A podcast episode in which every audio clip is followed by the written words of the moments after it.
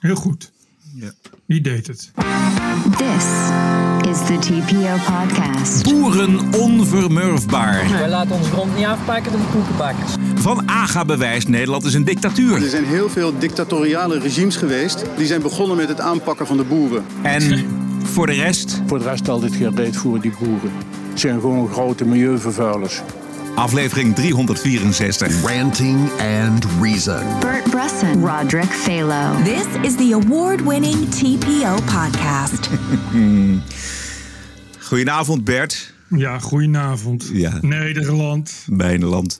364. Eh Bert is, eh, ja, was even in de kast afgelopen vrijdag. Voor de mensen die dat hele verhaal willen horen van Bert in de kast... moet je eventjes de aflevering, de vrijdagaflevering van vorige week beluisteren. En eh, luisteren kan eh, naar die vrijdageditie voor nog geen 50 eurocent per aflevering. Ga naar petje.af slash TPO podcast. Maar vanavond is hij gewoon weer op zijn oude honk.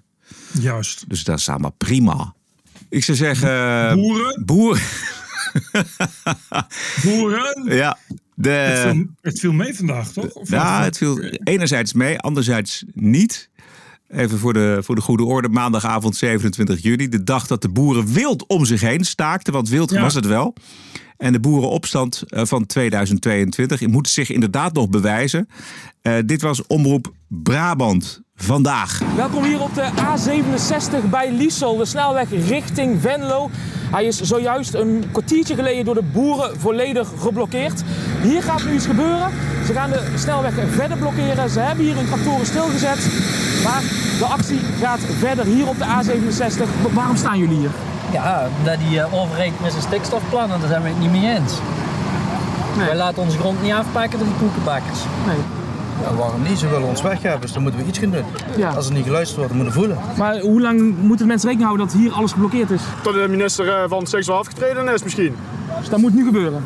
Als hij nou af, afstapt en ophoudt, dan, eh, dan gaan we weg. Hoe lang staat u hier al, eh, al stil? Nou, net zo lang als dat de boeren stilstaan. Ja, al een, bijna een uur. Ja, ja. Het mooiste is, ik heb producten bij me voor de boeren. Witte kool, rode kool, spruiten, alles. Wat vindt u ervan? Ja, ik denk dat ze hier niet veel mee bereiken. Ze, nu duperen ze alleen maar andere mensen. Ja, het is toch een beetje cruciaal deze eh, Juist. steun van ons, zullen we maar zeggen, van de mensen. Wa- Wat hij zegt, het probleem is natuurlijk dat met dit soort acties je al heel snel alle sympathie en alle steun verliest. En die mensen kunnen natuurlijk heel goed begrijpen dat die boeren boos zijn. Maar ja, op het moment dat je begint met voedselblokkades en snelwegblokkades, en dat kun je dan drie keer doen, maar de vierde dag wil iedereen gewoon weer eh, boodschappen kunnen doen en naar zijn werk. En dan eh, is niet meer langer de overheid eh, de gebeten hond, maar degene die protesteert. Dat is natuurlijk altijd zo. Dus je zult daar toch, die boeren zullen daar toch omzichtig mee om Ja. moeten gaan. Ja, ik denk daar ook zo over. Kijk, met Vox-popjes kun je in items, eh, nieuwsitems echt alle kanten op. Deze zijn volstrekt willekeurig gekozen, maar het geeft wel een zeg maar, couleur lokaal. Ieder eh, heeft zijn eigen mening, dus meningsvrijheid. Alleen, ik vind wel dat je, eh, je moet de maatschappij ook niet mee belemmeren. Maar ik vind het goed dat ze protesteren. En dat we daar even last van hebben. Dat is dan maar zo. Ik vind dat ze al die boeren moeten bekeuren. Iedereen mag demonstreren. Maar waarom ze met die trekkers mee moeten nemen, snap ik niet. Het is gewoon een, eh, een toonbeeld van eh, macht, eigenlijk. Kijk hoe machtig wij zijn, boeren, weet je, met die trekkers. Voor de rest altijd geen reet voor die boeren. Het zijn gewoon grote milieuvervuilers. Daar heb je misschien ook wel weer een puntje. Maar Ja. goed. En dit was Omroep Gelderland. hè. Dit is dus echt het, de, de hardland, Juist. zullen we maar zeggen. Nee, kijk, het probleem is natuurlijk dat mensen eh, zelf ook allemaal problemen hebben. Dus eh, het is niet zo dat het in, in de rest van Nederland fantastisch gaat en alleen de boeren niet. Ja. Dus mensen die denken al heel snel van ja, leuk en aardig, maar alleen maar omdat je een boer bent en een trekker hebt, betekent niet dat je dan zelf voorrang hebt op, op, eh, op, op allerlei, of aanspraak mag maken op allerlei, eh, allerlei eh, versnelde, versnelde doorgang van, van bepaalde zaken. En ik denk dat er veel meer mensen zijn die eh, ja, in elk geval moeten inbinden. Ze moeten allemaal, zitten ze straks met minder gas. Weet Ja. je? En moeten ze overstappen op, van fossiele brandstoffen naar duurzame. En moeten ze- wordt het, al het leven wordt heel snel heel, heel veel duurder voor iedereen. Dus ja, en als je dan inderdaad eh, gaat zien dat boeren elke dag voor jou die file gaan veroorzaken. eh, ja, dan zeggen mensen snel van ja, nou ben ik het wel weer zat. En je kan dan wel, kijk, demonstreren met z'n allen op Malieveld, dat vindt iedereen prima. Maar dat is wat anders dan inderdaad wilde acties waar mensen echt last van gaan hebben. Ja. Overigens, eh, dat Malieveld, ik was van het weekend in Den Haag. Op toegangswegen tot Den Haag en tot dat Malieveld staan uitklapbare versperringen die ik nog nooit heb gezien. Zo groot en zo stevig. Dat blijkt dat die gewoon geïnstalleerd zijn om dus die trekkers tegen te houden. En daar kom je dus met geen trekker doorheen. Dat zijn echt massieve apparaten om de wegen mee af te sluiten. En daar, daar helpt geen trekker aan. Oh ja, dat is uh, geanticipeerd op, ja, precies. op boze boeren. Ja, ja. ja. Als je puur gaat machtsdenken, dan is denk ik de tijd aan de kant van de regering. Ja, dat dus, denk ik dus ook. Ja. Dat, is, dat is wel echt het probleem. Voor die boeren zeker. Want als het inderdaad naarmate dat langer duurt, en inderdaad wat jij schetst, weet je, als je, als je dus vaker wegen gaat blokkeren, de mensen lastig gaat vallen, die sympathie kan snel aftakelen. En ik las vanavond een tweet van uh, Dylan Gisselgus, de minister van Justitie, die zegt: Meerdere snelwegen worden op dit moment geblokkeerd door boeren. Je punt maken doe je niet door weggebruikers in gevaar te brengen. Dit kan de ernstige gevolgen hebben. Juist. En dat kan ook inderdaad, want als je die wegen afsluit en je hebt dus problemen met bijvoorbeeld ambulances en eh, brandweerwagens die er doorheen moeten, dan heb je echt snel de pop aan het dansen. Over de hele breedte zijn die snelwegen afgezet door die boeren. Ja, en, en, en, je staat al elke dag in de file in Nederland. Dus, dus mensen zitten niet echt te wachten op nog langer in de file staan. Uh, omdat boeren boos zijn. En, en het, het, romantische idee van de boeren uh, verzorgt mijn melk en uh, mijn brood.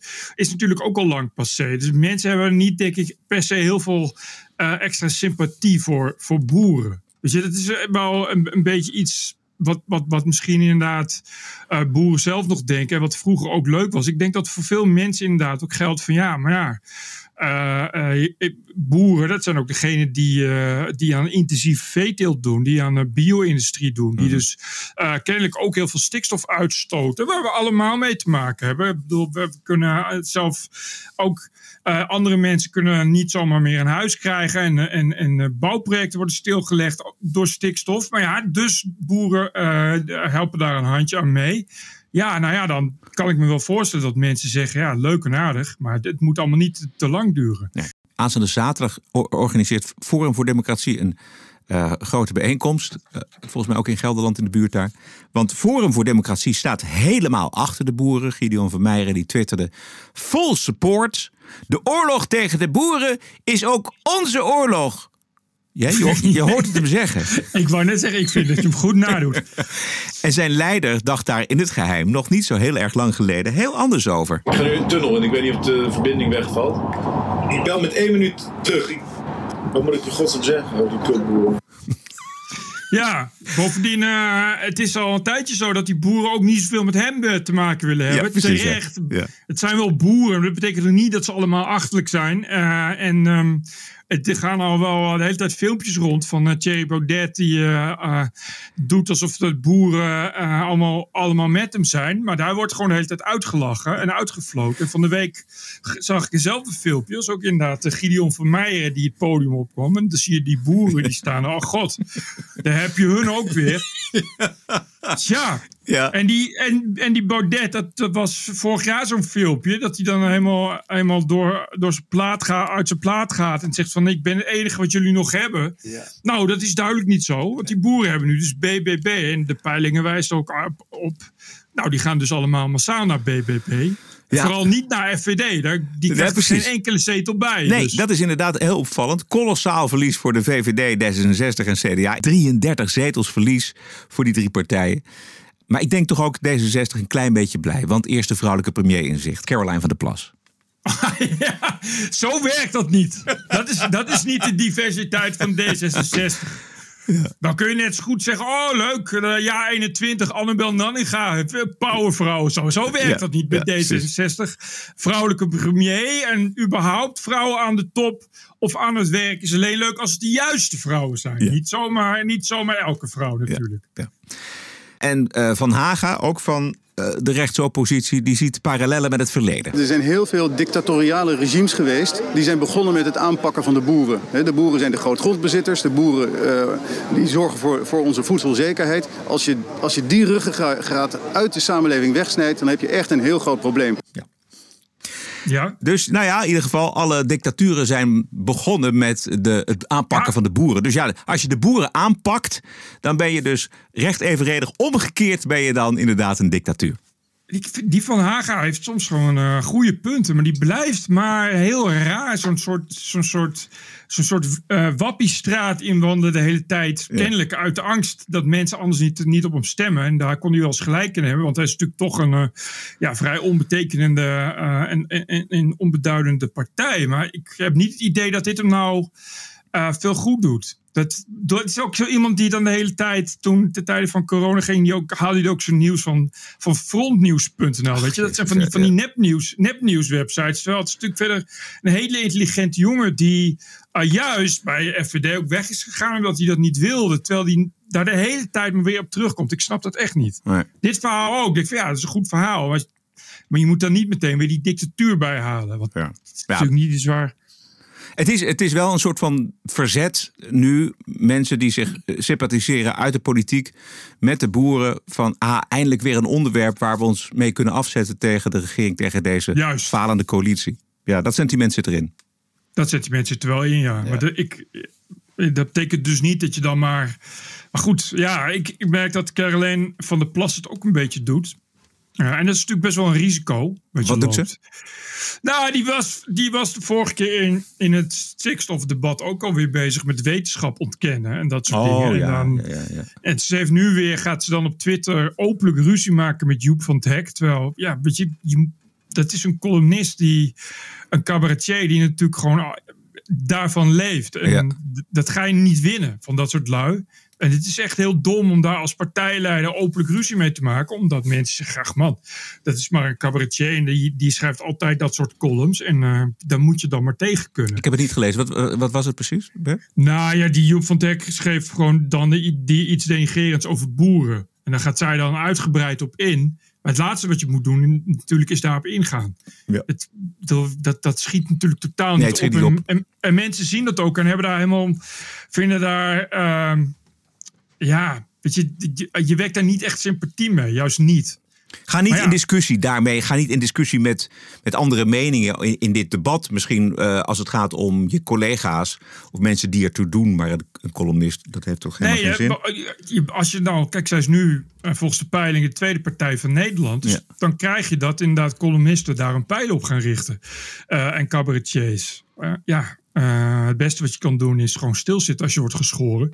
Eh, en die fout hebben anderen natuurlijk ook al gemaakt. Ja. Maar ja, kijk, FVD was eh, toen ook ongeveer bij, eh, ooit zo groot. Met 25 zetels in de provinciale statenverkiezingen. Allemaal proteststemmen, of allemaal, en de meerderheid proteststemmen. We zien hoe dat is afgelopen. Zeker. Dus- en wij weten nog helemaal niets meer van BBB dan alleen Caroline van der Plas. Ik bedoel, Precies. Als, als zij, wat was het, 13, 14 zetels scoort in de peilingen. Zoiets, ja. Dan eh, vraag ik mij af eh, wie die andere 13, 12 Exact. mensen zijn. Hè? Ja. Exact. Dat, dat kan net zo hard weer vallen als dat het nu is opgelopen. dat is natuurlijk wel echt een risico.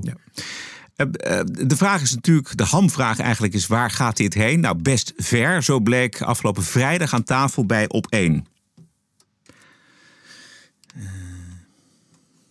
ja, je zou zeggen, daar komt wel iets, maar... Ja, dat, dat ik dacht, eh, dat denk je. komt dat een je. fragment. Komt een fragment. Nou, daar, daar is hij dan. De boeren schuwen eh, de confrontatie ook niet. Vandaag heeft minister Van der Wal aangifte gedaan van deze doodsbedreiging... die we hier in beeld zien. Je ziet de overlijdensdata van eh, Pim Fortuyn, Theo van Gogh. Nou ja, het spreekt voor zich. Wat vind je hiervan? Kijk, dit soort dingen, je mag nooit iemand doodwensen. Maar? Maar zoals Gert-Jan Segers pas al zei, we steven af op een burgeroorlog. En zo voelt dat echt. Ik zei het gisteren in mijn filmpje, het is oorlog. En het is oorlog. Ja, je zegt oorlog. Nou, we hebben gezien eh, intimiderende thuisbezoeken bij eh, de minister. Ehm, eh, Farmers Defence Force heeft opgeroepen om desnoods meer boeren die kant op te sturen. Kamerleden die niet naar een boerenprotest kunnen. Ehm, het lot van de boeren die wordt vergeleken met de jodenvervolging. Noem maar op. Waar ligt de grens voor de boeren? Hoe ver gaan jullie? Ik ga voor zover dat de jonge boeren die gisteren bij me waren, boer kunnen worden. En daar ga- strijd ik voor. En daar zal ik altijd voor blijven strijden. En daar heb ik sinds gisteren mijn levensmotto van gemaakt. En dat gaan we met z'n allen doen, inderdaad. En En daarbij schuw je intimidatie of geweld? nee, je moet nooit intimideren. Ja. Maar... je moet wel zeggen, hier is een grens. En als je over mijn grens heen gaat, dan zeg ik stop, niet verder. Dat, dat heb ik gisteren ook tegen de minister. Ik heb een gesprek gehad met de beide ministers gisteren nacht. Heb ik dat ook gezegd. Ik zeg, het wordt oorlog. En jullie kunnen nu nog keren. Door te luisteren naar die boeren. En niet een wanhopig beleid doorvoeren. Dit is, Wie was dit? Dit is een jongen die eh, de aandacht trok in de Tweede Kamer. Die daar eh, gefilmd eh, zijn Oh ja. grieven toonde, emotioneel was. Dat sloeg aan. Hij zat dezelfde avond nog bij op één bij Fidan Ekis. Die goed doorvroeg, vond ik. Ja. Ja, dit is wel iemand die dan zegt... Ja, geconfronteerd met die vragen, zegt hij... Maar, weet je wel, we gaan, het is, een, het is ja. een burgeroorlog. Ik wil zeker niet, geen geweld gebruiken. Maar... En dat deed hij drie keer achter elkaar. En dat vind ik uh, linkersoep. Het is linkersoep natuurlijk. Dit, deze mensen zijn tot alles bereid. Uh, in elk geval groep. Het is natuurlijk wel zo dat, dat hij natuurlijk niet voor el- elke boer spreekt. Uh, sowieso, denk ik, is niet elke boer eh, continu aanwezig bij de protesten. Maar het zijn er wel een hoop. Uh, en die mensen, die boeren, zijn, ja, laten we zeggen, traditioneel natuurlijk mensen die niet zomaar over zich laten lopen. Die ook tot meer bereid zijn. Het is niet de gemiddelde brave burger. Ik bedoel, wel braaf, maar het, is geen, zijn geen burgers met een, met een baantje van 9 tot 5. Dus het is, is, die mensen hebben ook wel voor alles te verliezen. Hebben vaak ook nog wel veel geld daarop ingezet. Uh, de, de, die de die de bank heeft, veel geld moeten lenen bij de bank. Uh, uh, werk wat van generatie op generatie is overgedragen. Maar ik, ik, denk dat ze staan voor veel meer onvrede. En daar zit het grote probleem.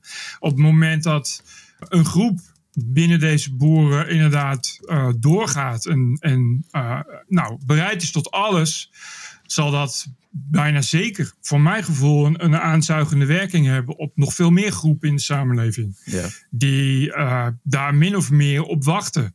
En uh, daar in principe al geradicaliseerd genoeg voor zijn. Mm. Ik denk dat het probleem van wat die boeren uit is, iets, is een probleem wat bij veel meer mensen leeft. Alleen bij die boeren uitzicht dat, dat in harde verzet.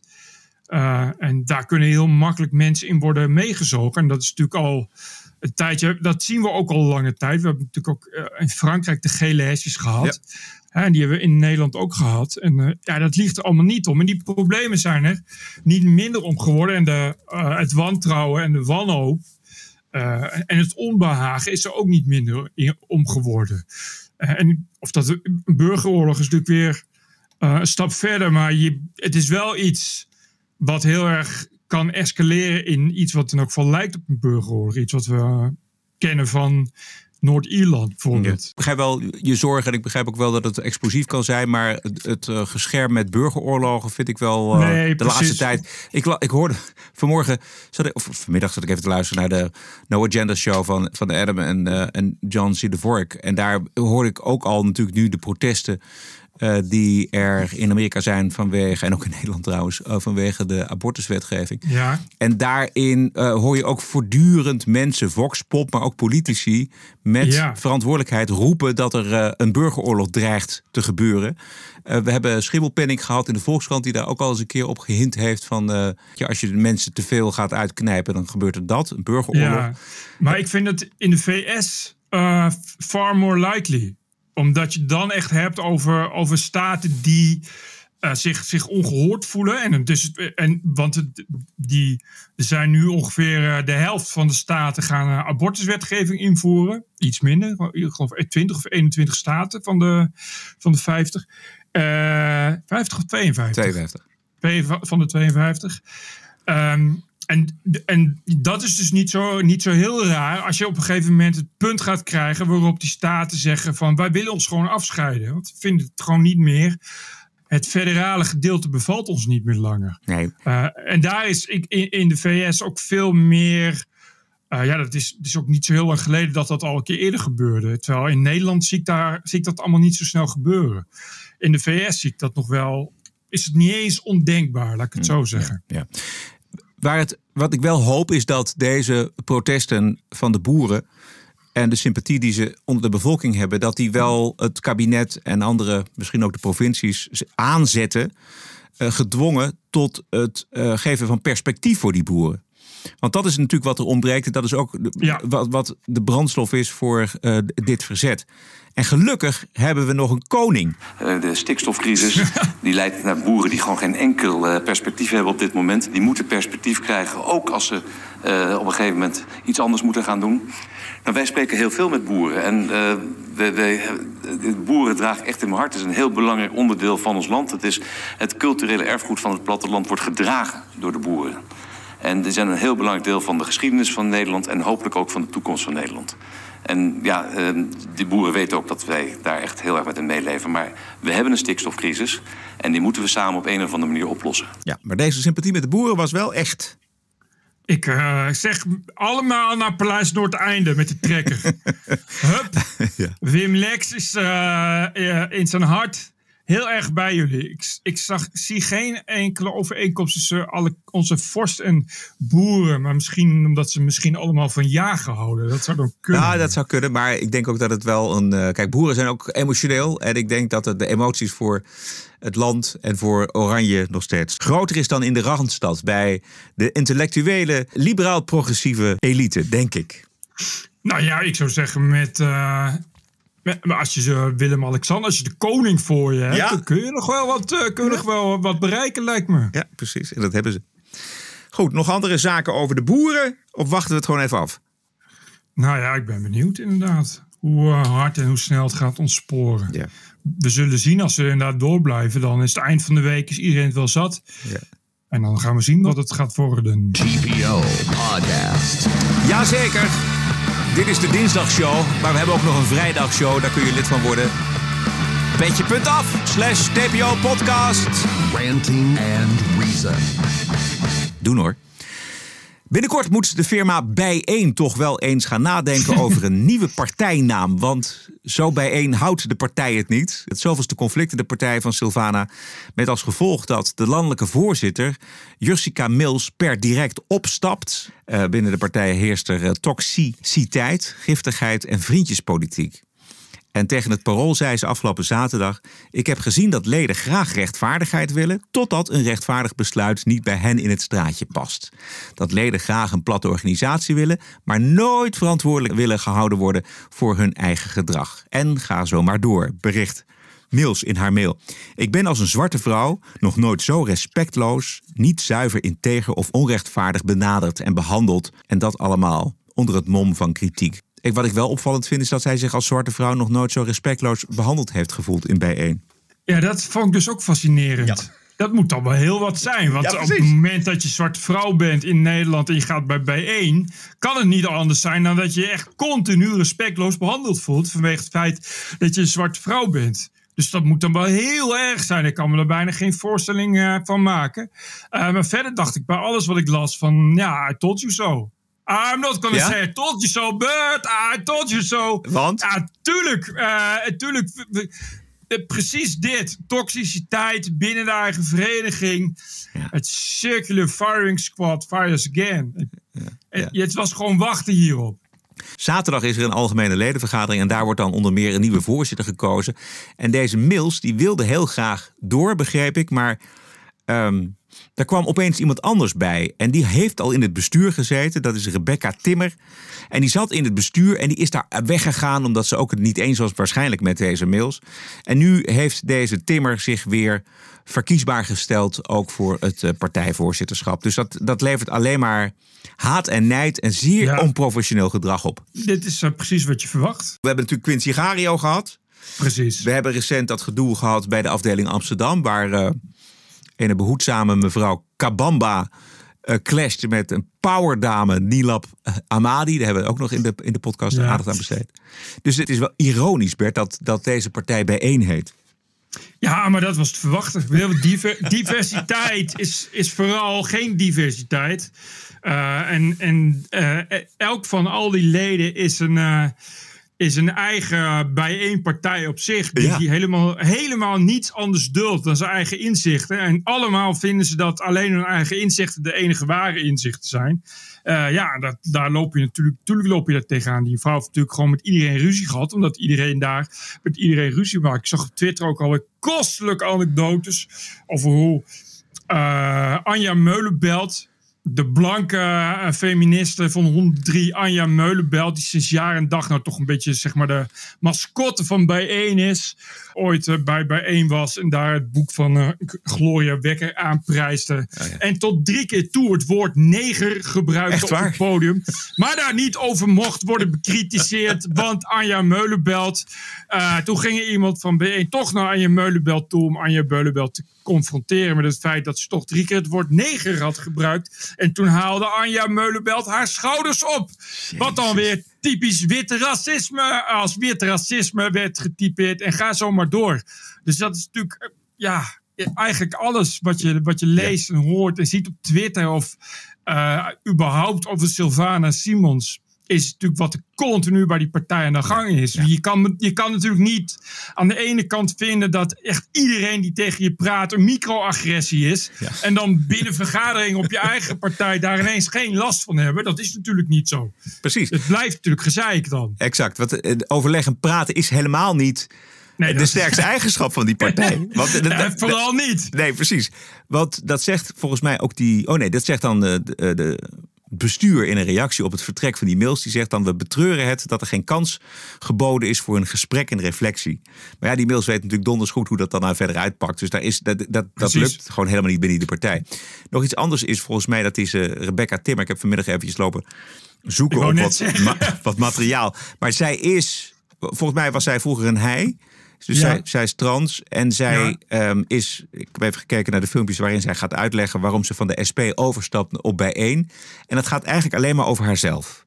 Ja. Uh, dus dat zij uh, nou ja, ook geen erkenning voelt. En dat de partij. Nou ja, dat zij. Het, het is één grote ego clusterfuck van hier tot Tokio. En dat ja. speelt met heel veel van die mensen. Want die, die, dat zijn vaak omhoog. Zo'n Quincy Gario toch ook. Ik bedoel, is een, uh. vast een, een, een, prima dichter of een kunstenaar. Daar gaat het niet om. Maar mensen gaan zich met de politiek bemoeien.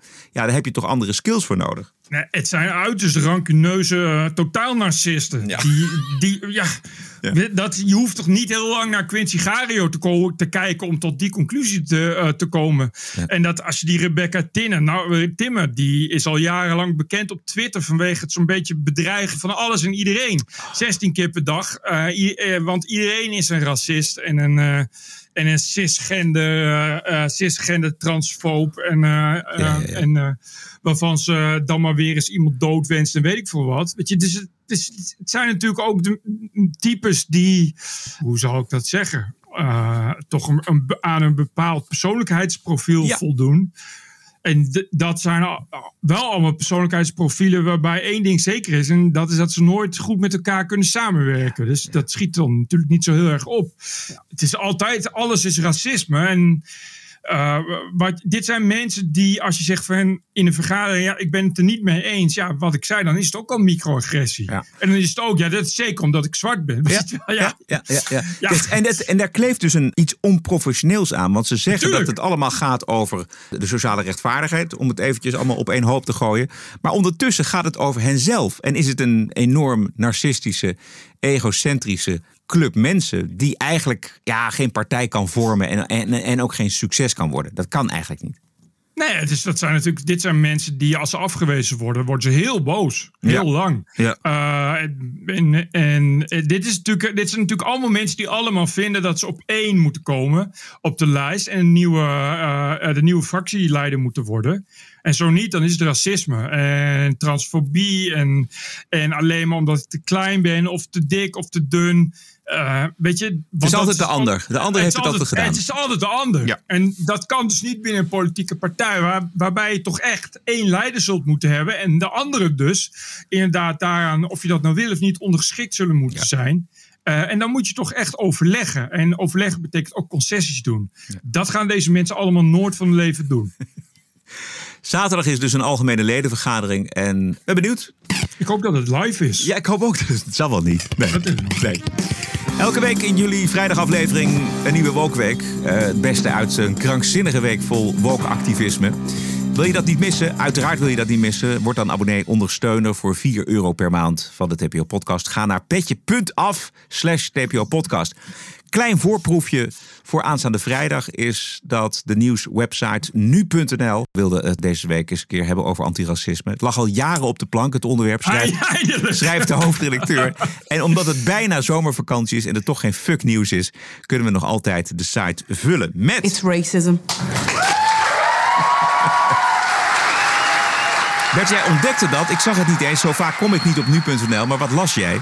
De hoofdredacteur Gertjaap Hoekman die eh, schreef, schreef een stuk over dat ze dus inderdaad uh, anti week van het antiracisme. En dan dat er nu, uh, hij begon met, met over hoe je onbewust vooroordelen kon herkennen. Dus, dus hoe je onbewust racistisch bent. Die Gertjaap Hoekman, die ken ik. Die is ook nog uh, uh, een tijdje uh, hoofdredacteur van Nieuw Revue geweest. Da daar ken ik hem van. Da daar schreef ik toen wel eens voor. het is een hele aardige gast. Iemand die sinds hij hoofdredacteur is van Nu.nl... echt inderdaad het, het veel verder naar de het totaalpubliek heeft getrokken. Dus ook echt je oma moet het ook leuk vinden. Um, dus hij heeft daar wel uh, een bepaalde strategie in gehad. Maar de laatste jaren is het wel heel erg woke geworden. En ik weet niet uh, of dat echt vanuit hem komt. Of dat het iets is wat de uitgever uh, heel graag wil. Ik zat eventjes te kijken op nu.nl wat, wat dan vandaag het item is. Dag 1 van de antiracisme week. En dan moet je helemaal naar onder scrollen. Gaat het over verschillende kleuren in een gezin. Een donkere broer en een blanke broer. Een meisje met een hoofddoek in het gezin. Er zit nul uh, nieuws in. Nee, het gaat dus ook niet over, over actualiteit. En ook nee. niet over nieuws. En dat is het allererg. Dat is natuurlijk het ergelijke ervan. Dat het een nieuwssite is die die zich steeds meer weet uit te blinken in allerlei wookgeneuzel waar wat verder nergens over gaat. Wat, en kijk, als je nou een, een opiniesite bent of een opinieblad met een bepaalde club, bedoel, als je One World leest, dat houden jij en ik gegarandeerd niet langer dan twee minuten vol. Nee. Omdat het allemaal over de top wookgeneuzel is. Maar goed, dat is ook wat aan de doelgroep wordt gekocht. Koop One World, maar dat staat vol over de top wookgeneuzel. Dat is natuurlijk prima. Maar ja, je bent een nieuwswebsite. Weet je, wat, wat, wat, wat is het nou voor een onzin om je dan weer een week van het racisme. Ja. Doe, nou niet, doe nou niet alsof dat helemaal nieuw is in de media. Even nog bij die, uh, dit item van vandaag. Waar krijgt jouw broer of zus mee te maken als hij of zij donkerder van kleur is dan jijzelf? We gingen langs bij drie gezinnen met daarin verschillende huidskleuren.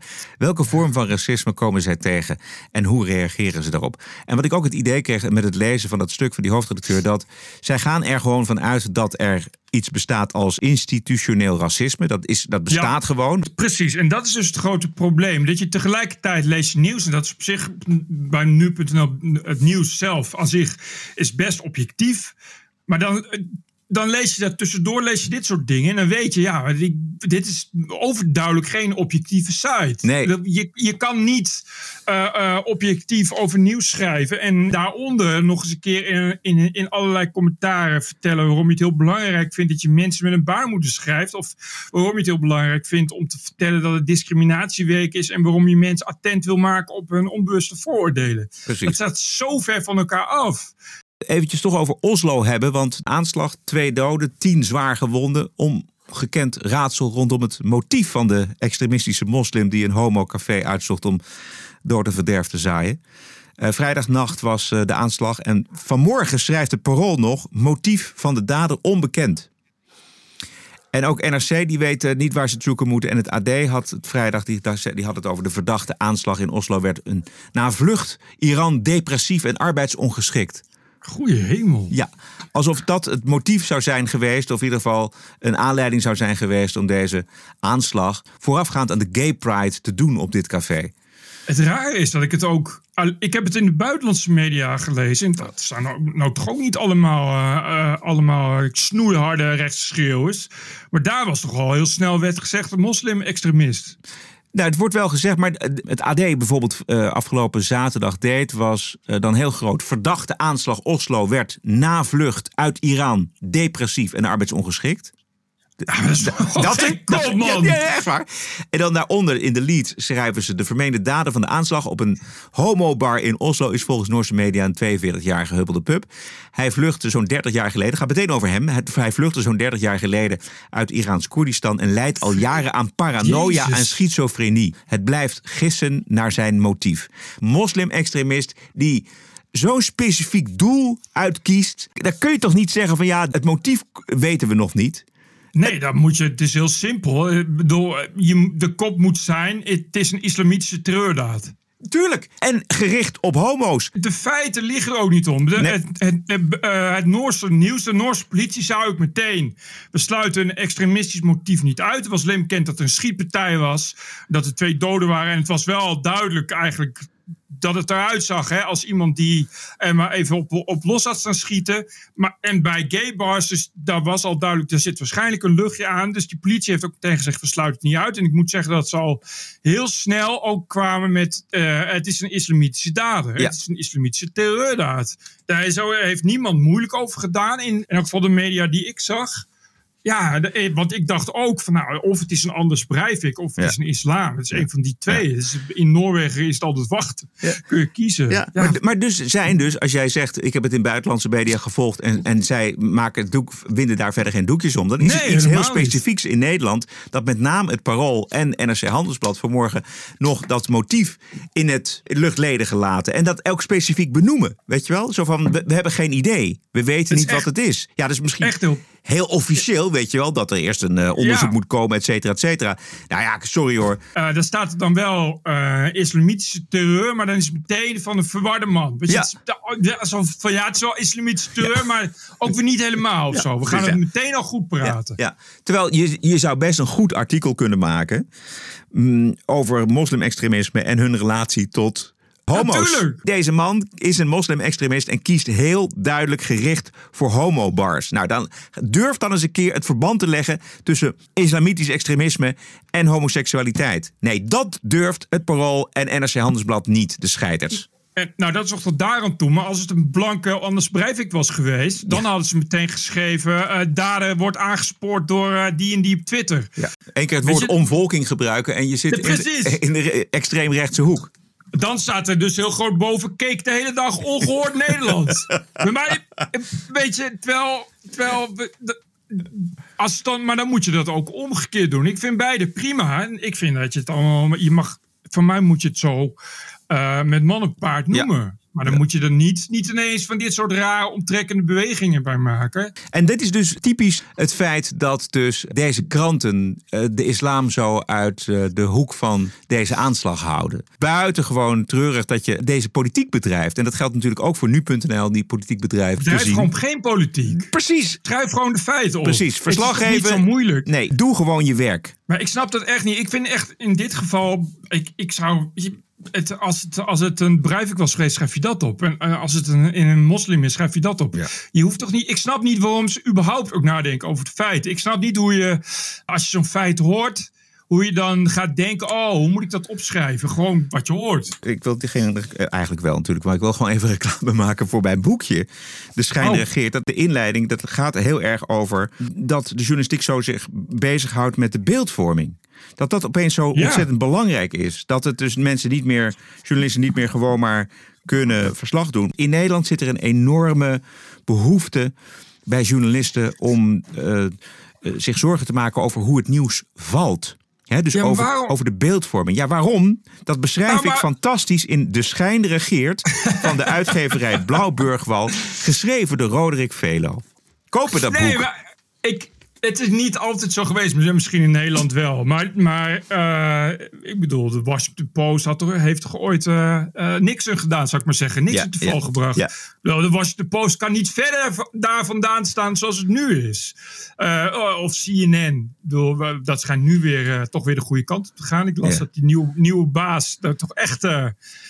die wil gewoon weer heel gek journalistiek en, en hard nieuws tot uitgangspunt maken van, van CNN.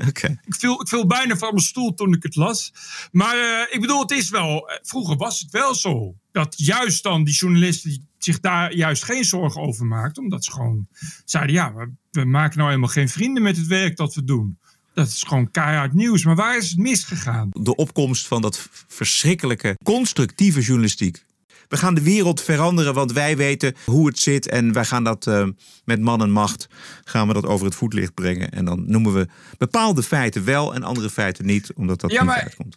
Wa- maar waar is dat vandaan gekomen? Dat is nooit. Ja? Vroeger was dat dus niet zo. Nee, actiejournalistiek is natuurlijk altijd geweest. Als je kijkt naar de Telegraaf natuurlijk. True, bedoel, eh, true, maar en- dat- goed. Maar ja, dat is- daar zit ook een politiek kantje dan aan. Zeker, maar dat, dat is dan wel ook weer een bepaalde kleur, is, is weer wat anders. Natuurlijk, natuurlijk, de, de Telegraaf is natuurlijk altijd wel eh, ook geweest, maar wij zijn een VVD-krant. Ja. Voor, voor boze automobilisten, zou ik maar zeggen. In de TPO-podcast op vrijdag, de Wokweek. Ook in de wiskunde valt nog genoeg te decoloniseren. Het absurdisme. You're an adult, grow up, deal with it. De terreur. Everything woke turns to shit. En het verzet ertegen. This cancel culture is gonna end, end, end. De Wokweek in de TPO-podcast op vrijdag. Ja, daarop aansluitend heb ik alleen nog een bonusquote. Die komt uit Amerika en is van de republikeinse politica Carrie Lake. En zij doet mee aan de verkiezingen voor gouverneur van de staat Arizona. En eh, komt tijdens haar campagne vorige week iemand van CNN tegen... die haar wil strikken voor een interview. En dat gaat zo. Hi. Hi. Nice to see you. And CNN. You don't have a mask on anymore. What's We're- going we're on? outside. Do you have a wow. minute to well, we're six feet apart. Do you have a minute to chat? um, I'll do an interview. Okay. As long as it airs on CNN Plus. Does that still exist? I didn't think so because the people don't like what you guys are peddling, So- which is propaganda. Thank you. Vals kreng! Heel grappig. Echt heel grappig. CNN eh, Plus, dat weten we allemaal natuurlijk, is eh, ter ziele gegaan. Het is ook wel een beetje waar. Dit is dus wat je krijgt. Ja, denk het ook, zeker. Dit is, ja, het is ja. natuurlijk voor een gedeelte ingegeven door, eh, eh, door Trumpiaanse. Alle media die niet over mij schrijven zijn fout. En di- dit is wel echt een mooie illustratie van hoe het gezag van CNN dus weg is. Goed. Vrijdag zijn we terug. Elke dinsdag en vrijdag online via je favoriete kanalen. Vergeet je abonnement niet voor de aanstaande vrijdagshow. Kost bijna niks. 4 euro per maand. Nog geen 50 eurocent per aflevering. En je krijgt op vrijdag natuurlijk de one and only Wokweek. En ons ondersteunen met een abonnement doe je via petje.af slash tpo podcast. Daar is ook dat abonnement te halen. Veel dank voor de ondersteuning. Ik zou zeggen, stekel. En tot vrijdag!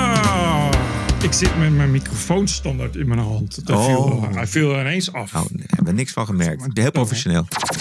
TPO Podcast. Bert Bruson, Roderick Balo, Ranting and Reason.